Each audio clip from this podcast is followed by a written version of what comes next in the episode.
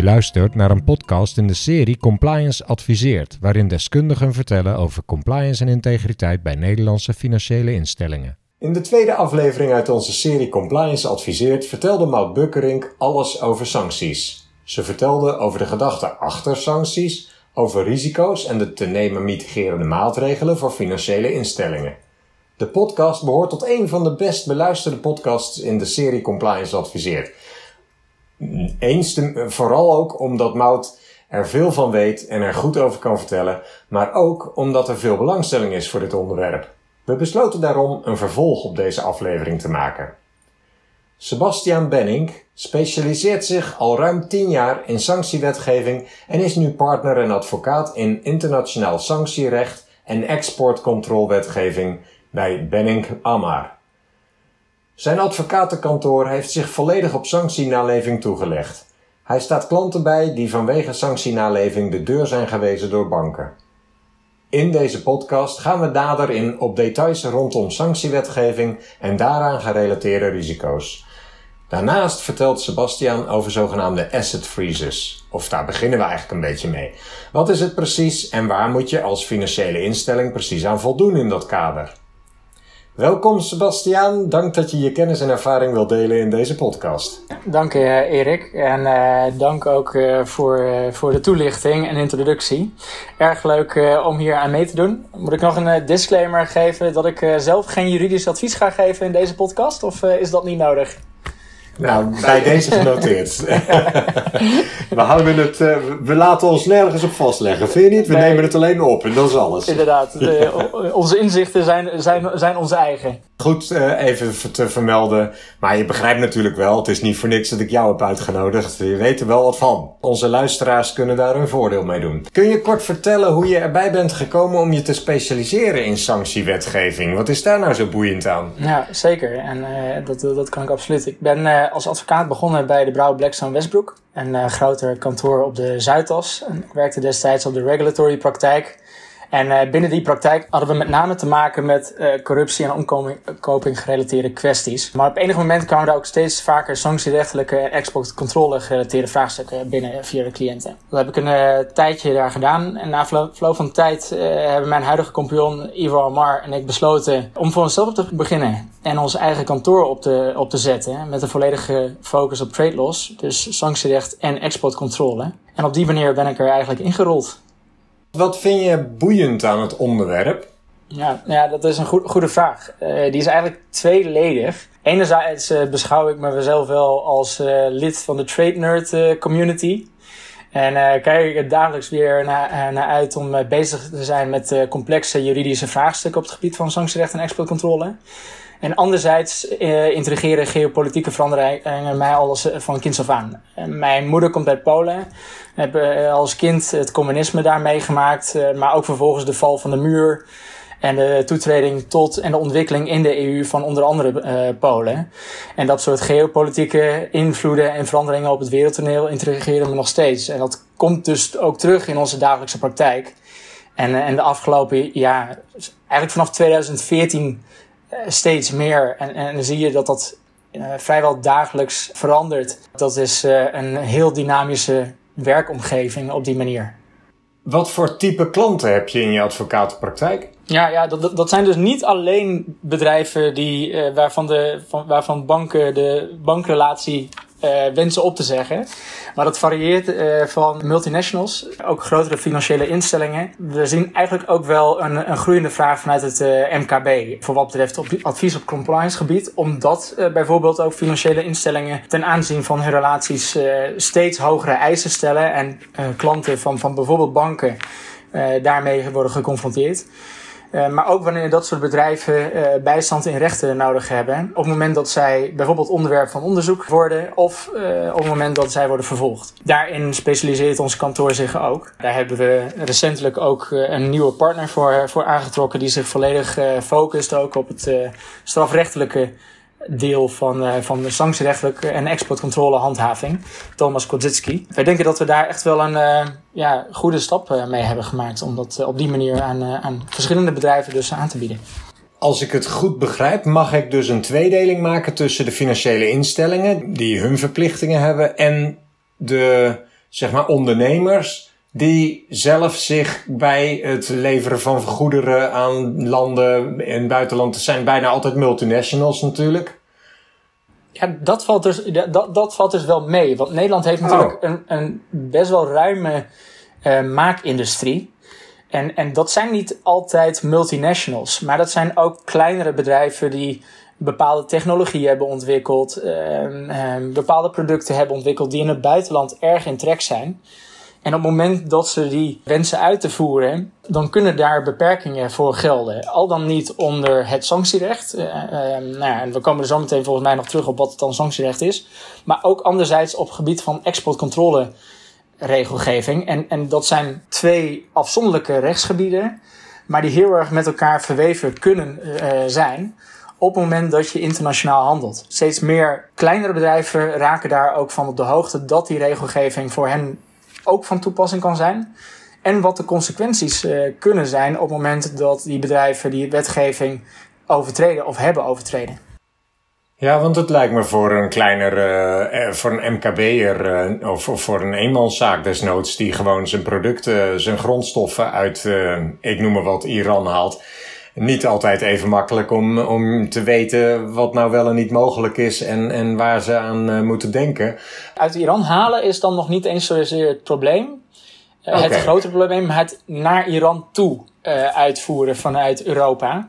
Of als je met Amerikaanse producten te maken hebt, het leveren van Amerikaanse goederen die kant op, dat levert vaak de problemen op. Oké, ik zou me kunnen voorstellen dat een geldstroom die kant op ook problematisch is. Als je goederen daar weghaalt, dan moet je ze ook betalen. Dus... Ja, ja, dat en goederenstromen deze kant op kunnen ook problematisch zijn. Indien je bijvoorbeeld handelt met een gesanctioneerde entiteit of een gesanctioneerde individu. Maar er bestaat ook nog wel eens een misverstand bij met name banken dat het ontvangen van geld van een gesanctioneerde entiteit verboden zou zijn. Maar dat is niet opgenomen in enige wet en oh, regelgeving. Kijk, hebben we nu al een feitje te pakken die is, uh, wel interessant is. Echter, het ministerie van Financiën, uh, Financiën benadert het op die manier van ja, je krijgt niet zomaar geld. Je krijgt niet gratis geld. Dus je moet daar ook iets voor uh, ja, iets van een dienst hebben geleverd of een product hebben geleverd om geld te ontvangen. Nou, is dat niet in elk geval zo, maar ja, daar, daar dien je de, dus wel een bepaalde nuance in aan te brengen, die soms misschien intern bij financiële instellingen wel bekend is, maar in de communicatie extern niet altijd op die manier wordt uh, geuit. Ja, dan, dan zijn wij er om die nuance wel uh, aan te brengen. Laten we toch nog even kort de context van sancties introduceren bij de luisteraar. Wat zijn sancties nou precies en waarom leggen landen en instituties sancties op? Sancties zijn beperkende maatregelen die opgelegd kunnen worden eh, door bijvoorbeeld de Verenigde Naties, de EU of individuele landen zoals eh, de Verenigde Staten of het Verenigd Koninkrijk. Die beperkingen eh, die dienen ertoe om het gedrag van andere landen, personen of entiteiten te sturen of aan te passen omdat daar ja, bijvoorbeeld politieke motieven voor bestaan om dat gedrag aan te passen. De ugly truth, en, en dat zie je eigenlijk tegenwoordig wel, dat, dat sancties en exportcontrole steeds vaker worden gebruikt om als politiek instrument om bepaalde economische belangen veilig te stellen. Met name hebben we dat uh, ja, afgelopen vier jaar onder uh, president Trump gezien. Die uh, sancties en exportcontrole, bijvoorbeeld de Huawei-kwestie met China, aangreep om zijn economische belangen, of de Amerikaanse economische belangen veilig te stellen.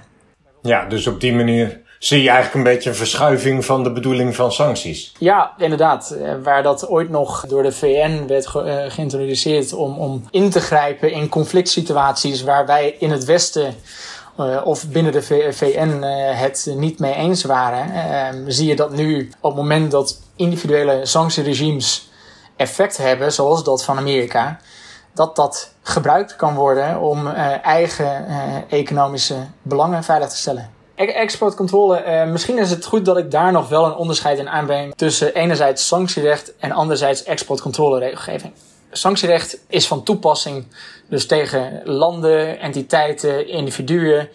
En dan heb je eigenlijk twee hoofdmoten, handelsbeperkingen of financiële uh, beperkingen die dan kunnen gelden tegen die landen, individuen of entiteiten. En anderzijds heb je exportcontrole. En als je daaronder valt, dan uh, betekent het eigenlijk dat, je, dat een product dat je wenst uit te voeren naar bijvoorbeeld buiten Europa, dat dat product onderhevig is aan een vergunningplicht. Ongeacht of dat eh, product nou wordt uitgevoerd naar een sanctieland. Dat, die vergunningplicht geldt in principe altijd voor zover je dat product uitvoert uh, naar buiten de EU. Wat voor uh, product bedoel je dan bijvoorbeeld? Nou, je hebt bijvoorbeeld grafiet, dat uh, gebruikt wordt in mobiele telefoons, in roetfilters.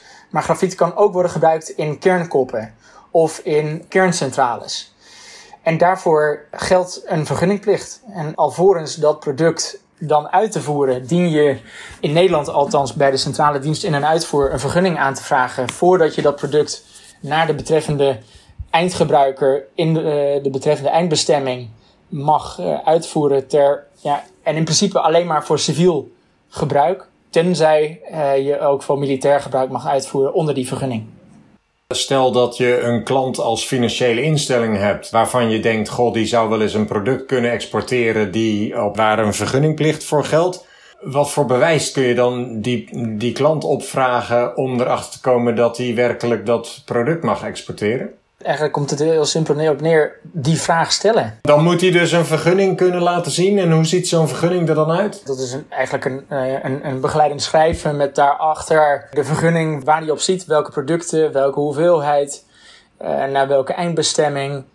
En kun je dan ergens op een website van de overheid zien of die vergunning werkelijk verleend is aan die partij? Of, en welke overheidssite zou dat zijn dan? Verleende vergunningen worden uh, in principe periodiek uh, gepubliceerd. Dat is wel geanonimiseerd, maar dan wordt wel, omdat je op de vergunningaanvraag uh, dan dient in te vullen voor welk eindgebruik het product wordt gebruikt en voor welk eindgebruik dan de formulering ook gebruikt kan worden op, op de overheidssite, zodat dat ook publiekelijk inzichtelijk is. Die vul je dan zelf uh, vooraf, uh, bij de vergunningaanvraag vul je dat in. En dan kan je dat zo beknopt als, of gedetailleerd als je wilt, kan je dat doen. Maar hoe gedetailleerder je dat doet, hoe makkelijker natuurlijk te achterhalen is of jij als bedrijf een vergunning hebt aangevraagd. Dus veel bedrijven zullen ervoor voor kiezen om een iets wat beknoptere beschrijving te hanteren. Ja, dus het is, maar dan is het wel voldoende gedetailleerd voor een financiële instelling om te kunnen bepalen of die vergunning al dan niet van toepassing is. De financiële instelling kan dan die website uh, raadplegen en bekijken of een vergunning is, is verleend voor een bepaald product. Kan dan misschien herleiden van, nou ja, uh, onze klanten uh, zijn in die sectoren ja, actief. En vervolgens kunnen die dan hun klanten gaan navragen van... Goh, uh, wij weten dat u in deze sector uh, werkzaam bent. Bent u ook bekend met exportcontroleregelgeving? Of dat mm -hmm. u mhm. onder sanctieregelgeving een vergunning hebt moeten aanvragen. Ja, zet dan op die manier die, die uitvragen uit. En probeer dan op die manier te achterhalen of de klant van de bank valt onder exportcontroleregelgeving of niet. En of daar dan benodigde vergunningen voor zijn aangevraagd. Welke instantie geeft die vergunningen uit? Is dat het ministerie van Buitenlandse Zaken? Of? nou ja, dat, dat is in principe, doe, doe je de aanvraag bij de Centrale Dienst In- en Uitvoer. Dat is een uh, autoriteit gevestigd in Groningen. En die werkt bij sommige aanvragen, of dat, dat valt in principe onder de Belastingdienst, de douane. Maar de verantwoordelijke overheidsinstelling is daar vervolgens het ministerie van Buitenlandse Zaken. Een ministerie kijkt in sommige gevallen ook mee. En bijvoorbeeld voor vergunningaanvragen voor China, Rusland, zal het uh, ministerie van Buitenlandse Zaken altijd meekijken en aangeven of zij redenen zien om een vergunningaanvraag af te wijzen. Juist. En in sommige gevallen kan okay. de centrale dienst ook zelfstandig de vergunningaanvraag afdoen. Het kan niet zo zijn dat een uh, klant zegt: ja, uh, zoals wij het doen, is het wel toegestaan. Wij hoeven hier geen vergunning voor te hebben. Kan als uh, de overheid daarvan zegt van nou ja, hier heb je in principe geen vergunning voor nodig. Maar uitgangspunt is dat als je product klassificeert als dual use of als militair, dat daar dan een vergunning voor wordt aangevraagd. En ja, als er bijvoorbeeld een wapenembargo is ingesteld tegen een land, dan zul je voor militaire goederen sowieso geen vergunning krijgen. En indien een vermoeden bestaat dat het dual-use uh, product bestemd is niet voor civiel eindgebruik, maar voor militair eindgebruik, dan kan die vergunningaanvraag ook afgewezen worden. En dit zijn puur maatregelen die Nederland zelf neemt. Want uh, sancties komen doorgaans van de VN vandaan. Of uh, van landen, heb je net gezegd. Andere landen. Of de Europese Unie. Maar die exportbeperkingen, die zijn echt van de Nederlandse overheid. Nee, dat is in principe ook gebaseerd op Europese wetgeving. Daar, daar heb je de dual use verordening voor. Dat is uh, dual verordening 428-2009. Voor het moment, hij wordt op dit moment geüpdate. En binnenkort wordt, ja, in de komende maanden wordt een nieuwe verordening uh, vrijgegeven. Dat ten aanzien van dual use producten. Producten voor zowel civiel als militair gebruik, bijvoorbeeld grafiet. Maar uh, op het moment dat je te maken hebt met militaire goederen, en dan moet een product zijn ontwikkeld of aangepast voor militair gebruik om te klassificeren als militair product. Dat is eh, die, de lijst met goederen is nog wel vanuit Europa uitgegeven. Maar vervolgens het beleid daarop is overgelaten aan de lidstaten individueel. Omdat landen als Duitsland of Frankrijk, landen met een groot militair apparaat, daar liever niet Europa over wilde laten beschikken. Dus uh, dat hmm. wordt uh, door de uh, lidstaten individueel geregeld. Daar kan het zo dus zo zijn dat vergunningaanvragen strenger worden beoordeeld in Nederland dan bijvoorbeeld in Duitsland voor, voor bepaalde goederen. En dan heb je dus geen level playing field. En wordt het ook voor een financiële instelling lastiger te controleren of uh, de klant wel of niet voldoet aan die sanctieverordeningen? Uh, de dual bedoel je? Uh, ja, de, nou ja, de exportcontroles. Laat ik het zo stellen. Ik vind het altijd raadzaam dat een bank in gesprek gaat met de klant om ja. de klant te kennen, te achterhalen uh, in welke industrie opereren jullie? Welke producten, als jullie producten produceren en die uitvoeren, of dat jullie alleen uitvoeren, welke producten voeren jullie dan uh, uit? En gelden daar dan vergunningplichten voor of niet? Um, al dan niet onder de exportcontroleregelgeving zijn de dual use of dat het gaat om militaire goederen. En ja, en kijk, op het moment dat jij de bank voorziet van onjuiste of onvolledige informatie, en je komt als bank er dan toch nog achter dat je klant wel dual-use producten uitvoert, ja, dan kan je daar natuurlijk als bank vervolgens de maatregelen uh, treffen die je dan uh, ja, redelijk acht. Oké, dat waren denk ik de exportcontroles. Maar in het kader van sancties kan ik me toch nauwelijks voorstellen dat als je een regime als Iran eigenlijk niet ziet zitten, als uh, met name de Amerikanen zien dat zo, dat je geen problemen hebt met het importeren van producten daar vandaan. En dus betalingen richting Iran wilt verrichten. Dat, dat gaat toch ook niet zo makkelijk, dacht ik? Ja, dat is even afhankelijk van aan wie je die betaling verricht. Als dat geen gesanctioneerde, althans onder Europees recht, geen gesanctioneerde entiteit is, of geen gesanctioneerde individu, en de transactie is verder toegestaan, dan staat dat vanuit Europa je weinig in de weg om die transactie te voldoen. Dan kan het wel zo zijn dat een bank daar niet aan wil meewerken vanwege het individuele bankenbeleid. En dat houdt vaak wel verband met uh, de Amerikaanse sancties die op dit moment nog volledig van, van kracht zijn tegen Iran. En ja. waar dat regime vanuit Europa natuurlijk veel minder streng is. En ja, dan is wel de vraag onder welk Amerikaanse regime val je dan? Het primaire of het secundaire sanctieregime? Als je onder het primaire sanctieregime valt, ja, dan werkt bijvoorbeeld de blocking statute niet. Sorry, even nog. Wanneer val je onder het primaire en, wanneer onder het secundaire regime? Je valt onder het uh, primaire Amerikaanse sanctieregime wanneer er een zogenaamde connectie is met uh, de transactie en Amerika. Wanneer een zogenaamde US Nexus bestaat tussen de transactie en, uh, en de Verenigde Staten. Dat kan bijvoorbeeld in een geval van dollar transacties die via bank worden gedaan. Cash betalingen vallen daar buiten. De betrokkenheid van US persons, de betrokkenheid van Amerikaanse goederen, dan val je onder het Amerikaanse primaire sanctieregime. Het secundaire sanctieregime, dat is het zo gevreesde extraterritoriale werkende sanctieregime. En dat is van kracht ook dan wanneer er geen enkele connectie is tussen de transactie en Amerika. En daar zijn natuurlijk heel veel financiële instellingen, eh, of met name banken, die veel van hun operaties ook in Amerika hebben zitten. Ja, die zijn daar als ze dood voor dat hun klanten betrokken zijn bij transacties die onder dat regime vallen.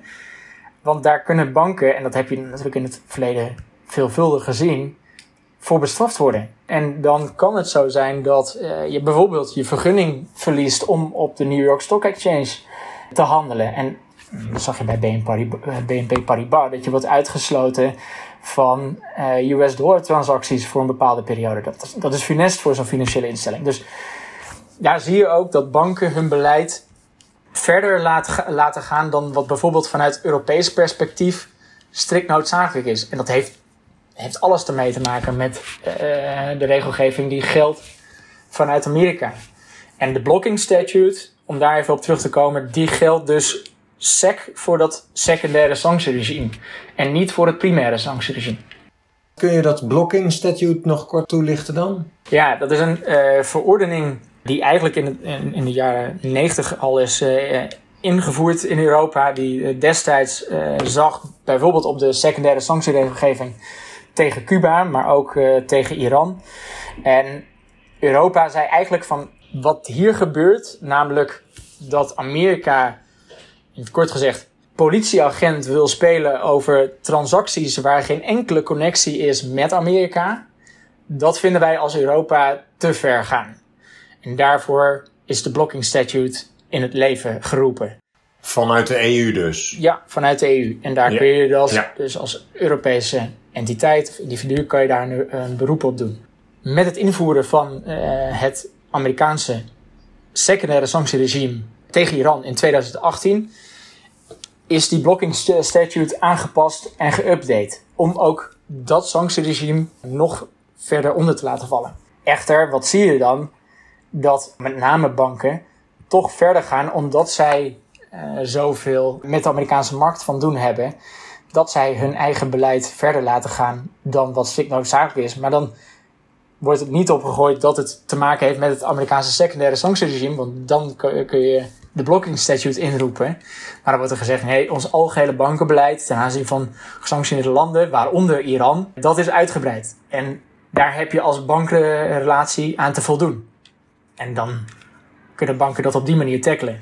We zijn al best wel direct uh, de diepte ingegaan wat betreft uh, exportcontroles en, uh, en Iran. Maar het zit natuurlijk wat breder. Kun je een, iets breder schetsen ook welke andere landen allemaal nog meer getroffen zijn door sancties? Ja, dat, zeker. Ehm, nou ja, wat je voornamelijk ziet vanuit Europa, dat ook bijvoorbeeld Rusland een heel interessante markt is voor veel bedrijven. En waar op dit moment nog best wel uitgebreide sancties ook vanuit Europa uh, tegen gelden. Ook vanuit uh, de VS, eh, die bijvoorbeeld ook veel Europese bedrijven die bezig waren met het leggen van de Nord Stream 2 pijplijn, dat die Amerikaanse sancties die bedrijven hebben getroffen. Nederlandse bedrijven ook, die zich daar hebben teruggetrokken.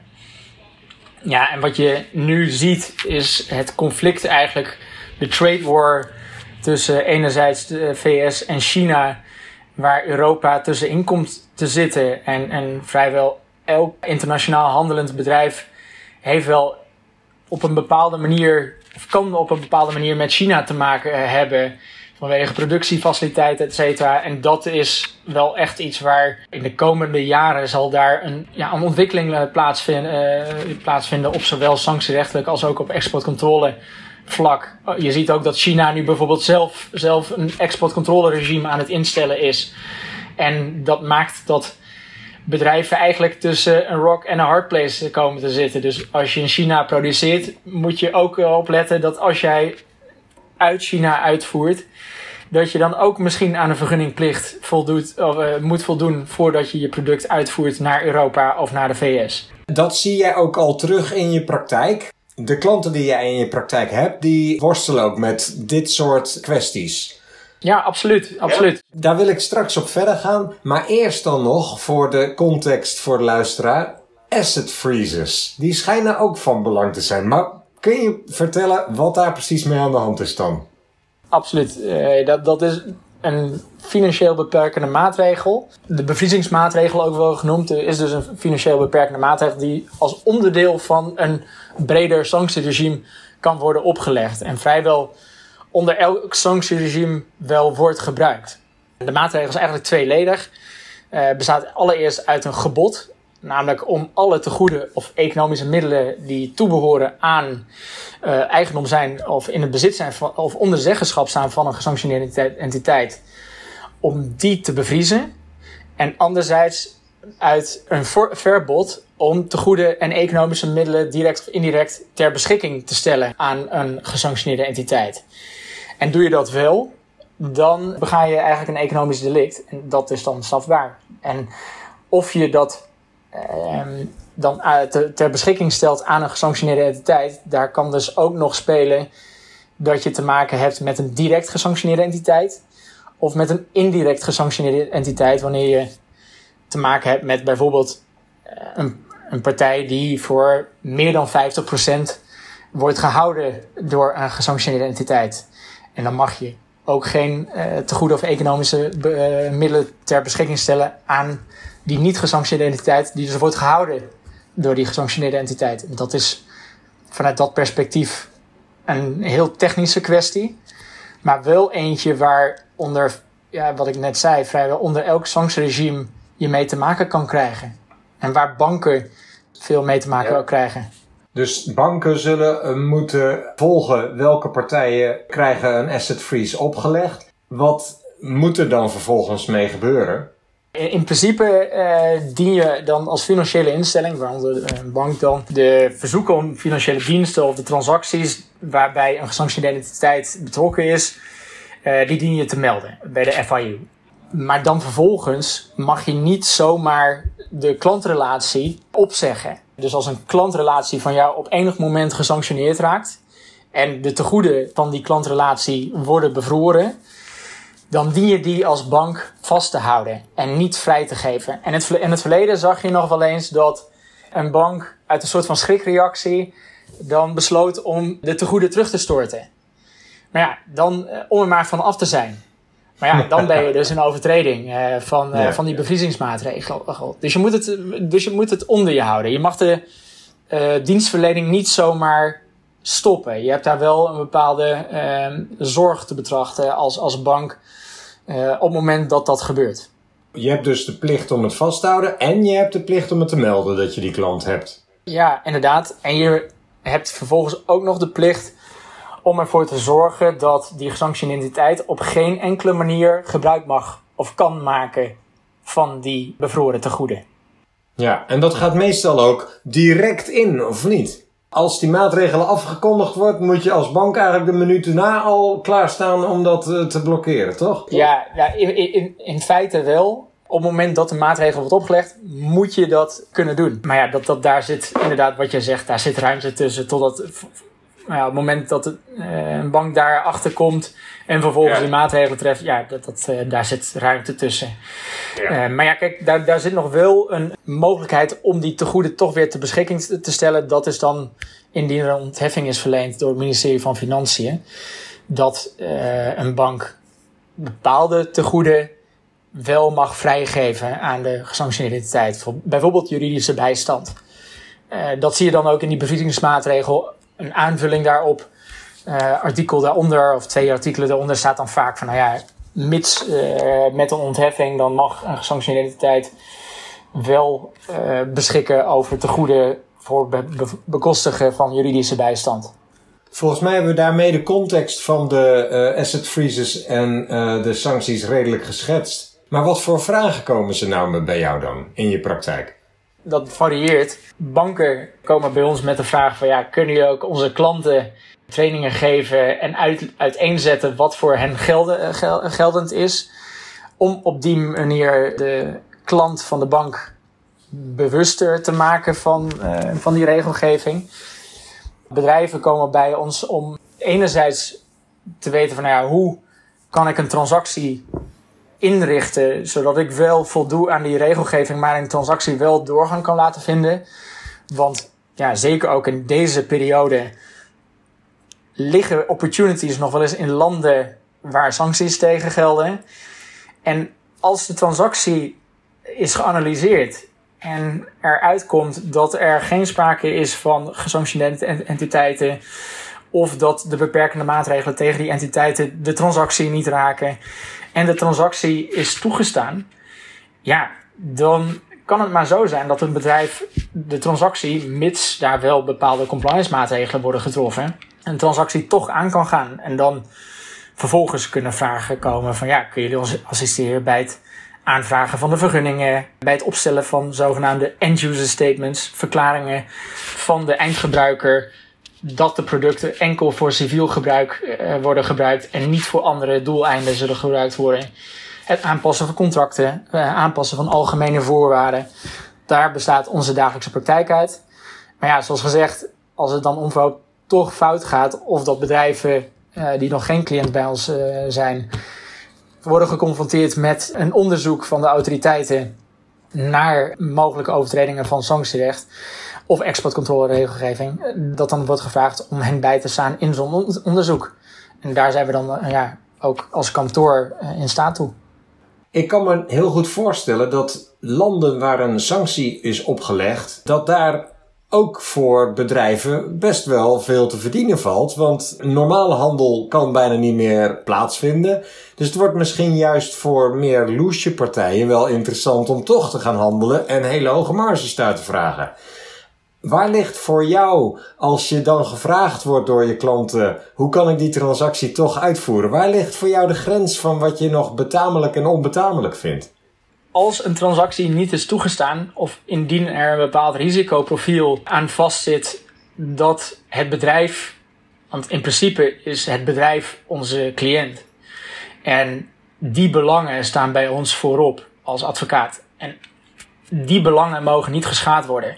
Dus op het moment dat wij zien dat er loesje partijen of partijen die misschien niet volledig door een gesanctioneerde entiteit worden gehouden, maar uh, waarvan je wel kan zeggen van nou, is mogelijk een bepaalde zeggenschap van die gesanctioneerde entiteit, dan zullen wij daar altijd over adviseren van nou ja, bij twijfel of wanneer je zeker weet dat het niet mag, gewoon niet doen. En laat dan deze mogelijkheid, hoe aantrekkelijk ook, laat die dan gaan voor dit moment. Want de consequenties die wegen niet op tegen de eventuele benefit die je haalt uit deze transactie. Want mhm. ja, sinds 2017 is strafrechtelijke handhaving van overtredingen van sanctierecht en exportcontrole in Nederland een speerpunt geworden van het Nederlands Openbaar Ministerie. En je ziet dat sinds 2017 in Nederland echt een actieve vervolging plaatsvindt van uh, misstanden. En in principe zijn buitengerechtelijke schikkingen in Nederland, die zijn ook niet meer mogelijk. Indien er aanleiding is tot een onderzoek, dan kan dat overgaan tot een strafrechtelijk onderzoek. En indien, wat ik al zei, die wetgeving is heel zwart-wit. Indien je bijvoorbeeld geen vergunning had en je had die wel nodig, ja, dan kan het Openbaar Ministerie direct overgaan tot strafvervolging. Dan weegt daar wel in mee. Had je de vergunning verleend gekregen op het moment dat je hem zou hebben aangevraagd? Maar wat je wel ziet in de jurisprudentie is dat rechtbanken vrij strak erin zitten van ja, je bent een professionele onderneming. Je hebt wet en regelgeving te kennen en voldoe je daar niet aan, dan kan je daar de consequenties van, uh, van ondervinden. En dat kan dus leiden tot strafrechtelijke veroordeling van het bedrijf maar ook de individuen betrokken. Met boetes tot maximaal 830.000 euro of indien de rechter dat niet genoeg acht, 10% van de jaaromzet van de, de moedermaatschappij. Of indien de individu wordt bestraft met een maximale gevangenisstraf van 6 jaar. Ja, is dat dan enige transactie waard om aan te gaan? En dat is een bedrijfsdecision uh, uh, die, die gemaakt wordt op basis van onze analyse. En wij zullen daar als kantoor heel strikt in zijn van wat wel of niet kan. Hm. Nou, ik zou me ook nog kunnen voorstellen dat de afweging ook te maken heeft met gewoon van humanitaire aardacht of zo. Ik bedoel, misschien worden de Chinese sancties uitgesproken tegen Myanmar, maar dat we eigenlijk vinden dat eh, mensen in Myanmar, uh, dat dat toch wel anders benaderd zou moeten worden. Ik noem maar even een voorbeeld. Ja, absoluut. Maar dat zie je dat maatschappelijk verantwoord ondernemen bij steeds meer bedrijven steeds hoger op de agenda komt te staan. Ook vanuit Europa met de invoering van bijvoorbeeld het EU Global Human Rights sanctieregime zie je dat daar ook meer en meer nadruk op komt te liggen. Uh, dat is een equivalent van de Amerikaanse Magnitsky Act. En daaronder worden entiteiten of individuen gesanctioneerd voor bepaalde mensenrechten schendingen. Daar gelden dan asset freezes tegen. Ja, het kan voor heel veel bedrijven ook een maatschappelijk uh, verantwoord ondernemen uh, afweging zijn van ja, ga ik nog wel in zee met partijen uit bepaalde landen indien ik weet dat die partijen ook betrokken zijn bij, bij bepaalde regimes. Ondanks dat die partijen misschien nog niet zelf zijn gesanctioneerd, maar wel dicht tegen het regime aanstaan.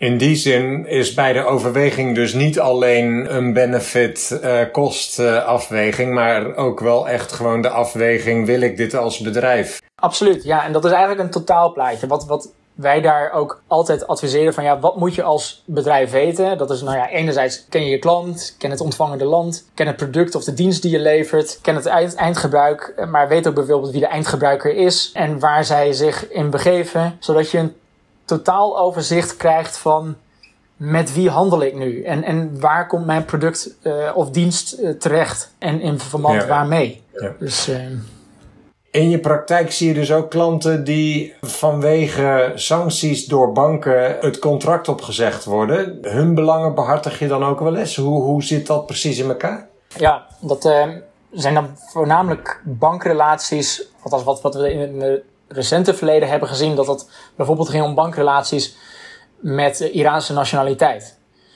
Uh, en dat banken enkel op basis van die nationaliteit besloten de relatie met de individu of de entiteit op te zeggen.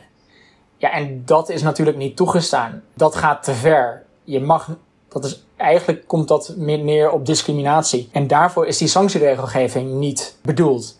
Pas op het moment dat jij als bank constateert dat er daadwerkelijk sprake is van overtreding van sanctieregelgeving, of dat er mogelijk wordt gehandeld met een gesanctioneerde entiteit, dan kan je gaan overwegen om die relatie op te gaan zeggen. Maar je hebt daar als bank een behoorlijk strenge zorgplicht in te betrachten. Alvorens je daartoe overgaat. En, en in principe is dat ook contractueel vastgelegd in de algemene bankvoorwaarden. Welk argument moet je dan in rechten uh, bestrijden van die banken? Wat heel veel banken bijvoorbeeld uh, rondom november 2018 deden, was per direct alle Iran-gerelateerde transacties niet meer faciliteren. Wat zij daar eigenlijk in feite mee deden, was het naleven van die Amerikaanse secundaire sanctieregelgeving, omdat die op dat moment weer van kracht werd. Alleen daar geldt nu juist ook die blocking statute voor. Alleen banken communiceren dat op een andere manier. Namelijk, wij hebben ons wereldwijde compliance beleid aangepast.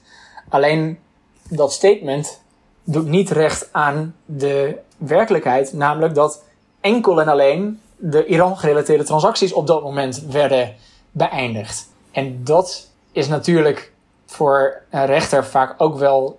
Is daar vrij snel doorheen te prikken. Nou ja, en in principe ga je daar dan eerst schriftelijk over in gesprek met een bank. En dan volgen een aantal schriftelijke rondes. Als je daar dan op die manier niet uitkomt, ja, dan rest enkel uh, nog maar de mogelijkheid om uh, dan vervolgens een dagvaarding uit te doen gaan. En dat voor een rechter neer te gaan leggen. En die zal dan oordelen of de bank gelijk heeft en de relatie inderdaad mocht beëindigen. Of dat de relatie in stand had moeten houden. Heb je in zulke cases al eens het gelijk van de rechter gekregen? ja, dat zeker mag er helaas niets uh, over, over, uh, specifiek over zeggen. nee, dat hoeft verder niet, maar uh, dat begrijp ik ook wel. Heb je in je praktijk ook cases waar het juist om asset freezes gaat, waar klanten moeite mee hebben? Absoluut. Dat kan direct of dat kan indirect.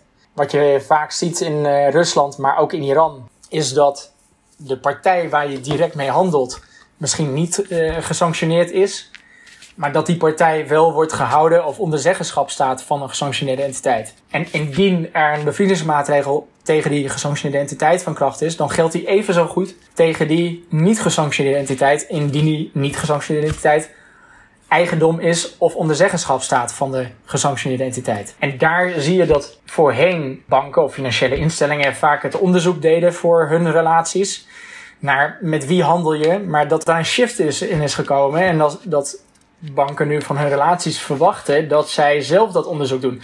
En dat is ook terecht, want ja. dat is ook wettelijk verplicht. Je bent als bedrijf verplicht dus te, te weten met wie je handelt. Dus een screening naar een klant of een eindgebruiker.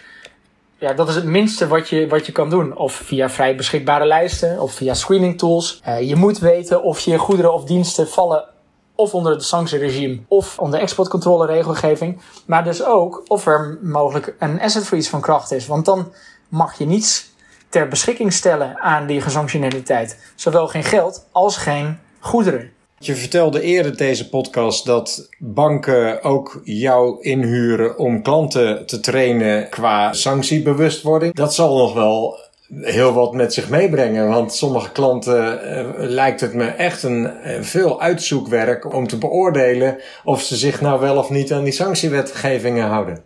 Ja, inderdaad. En dat is, daar zie je wel echt een pijnpunt voor heel veel bedrijven. Die op welke manier dan ook nu bekend raken met deze regelgeving. Of dat is vanuit de bank, of vanuit de overheid, of van horen zeggen. Op het moment dat een bedrijf een kleiner bedrijf of een midden- en klein bedrijf te maken krijgt met die regelgeving, komt er ontzettend veel op ze af. Ze moeten namelijk achterhalen, vallen mijn producten onder of sanctieregelgeving of, of exportcontroleregelgeving. Dus daar moet je gaan klassificeren. Maar vervolgens moet je ook gaan achterhalen met wie je handelt. Handel ik met uh, legitieme partijen of handel ik met toch gesanctioneerde eh, partijen? Ja, die compliance, om dat op orde te krijgen en dat werkend te krijgen, ja, dat kan best wel veel financiële en ook tijdrovende consequenties hebben voor, voor, voor een bedrijf. Nou, het is wel bijzonder dat een bank jou daar dan voor inhuurt. Die bank voelt zich kennelijk verantwoordelijk voor dat hun klanten compliant zijn, terwijl het eigenlijk de verantwoordelijkheid van die klant zelf natuurlijk is. Inderdaad. Ja. Welke relevante ontwikkelingen verwacht je de komende tijd nog op het vlak van sanctiewetgeving? ik denk dat er heel veel uh, gaat veranderen voor wat betreft het nieuwe EU Global, Human Rights sanctieregime. Die equivalent van de uh, US Magnitsky Act. Uh, afgelopen weken werden al elf personen en vier entiteiten onder dat regime gesanctioneerd. En ik verwacht dat dat in de toekomst alsmaar meer gaat worden op het moment dat wij of het Westen menen dat er sprake is van mensenrechten schendingen waar we tegen moeten optreden. En Nederland is daar binnen Europa nog een voortrekker in. En ik zie dat niet zo snel uh, veranderen en dat alleen maar toenemen. Ook gezien uh, vanuit het perspectief dat bedrijven steeds meer te maken krijgen met uh, internationaal verantwoord maatschappelijk ondernemen. En dat dat hoog op de agenda komt te staan. Ja, en de, de nieuwe dual use regulation, die in de komende weken wordt gepubliceerd, dat gaat ook behoorlijk veel met zich, ja, veranderingen met zich meebrengen. Uh, met name ook weer, Impact hebben. ook weer op het punt van uh, onder andere human rights. Uh, en dus dat, ja, dat, dat gaat veel veranderingen met zich meebrengen. En bijzondere ontwikkelingen met zich meebrengen ook. Ten slotte, zoals in elke podcast, heb je een advies. Want de titel van deze podcast is Compliance adviseert. Nou, wat adviseer jij compliance? Ja, en ook wel het advies dat ik zelf meekreeg toen ik bij de brouw begon. Doe nooit aannames en baseer je enkel op feiten. En let op de nuances in uh, het sanctierecht en de exportcontrole-regelgeving. Die zijn er namelijk uh, veel. En uh, daar uh, kan men zich nogal, ja, daar kan men nog wel eens over, overheen lezen. Hartelijk dank voor je bijdrage aan deze podcast, beste Sebastiaan. Ik wens je heel veel succes met uh, de praktijk. En zo te horen zal er in de toekomst nog wel voldoende te doen zijn op dit vlak ook. Dankjewel en uh, leuk dat ik hier aanwezig mocht zijn. Dank dat je luisterde naar Compliance Adviseert. Heb je met plezier geluisterd? Volg dan op LinkedIn de pagina van Compliance Adviseert. Heb je een vraag of aanvulling? Laat dan ook even een reactie achter op de LinkedIn-pagina. Ik zal het met plezier lezen en wellicht kunnen we op die manier nog meer compliance kennis delen. Heel graag tot de volgende podcast.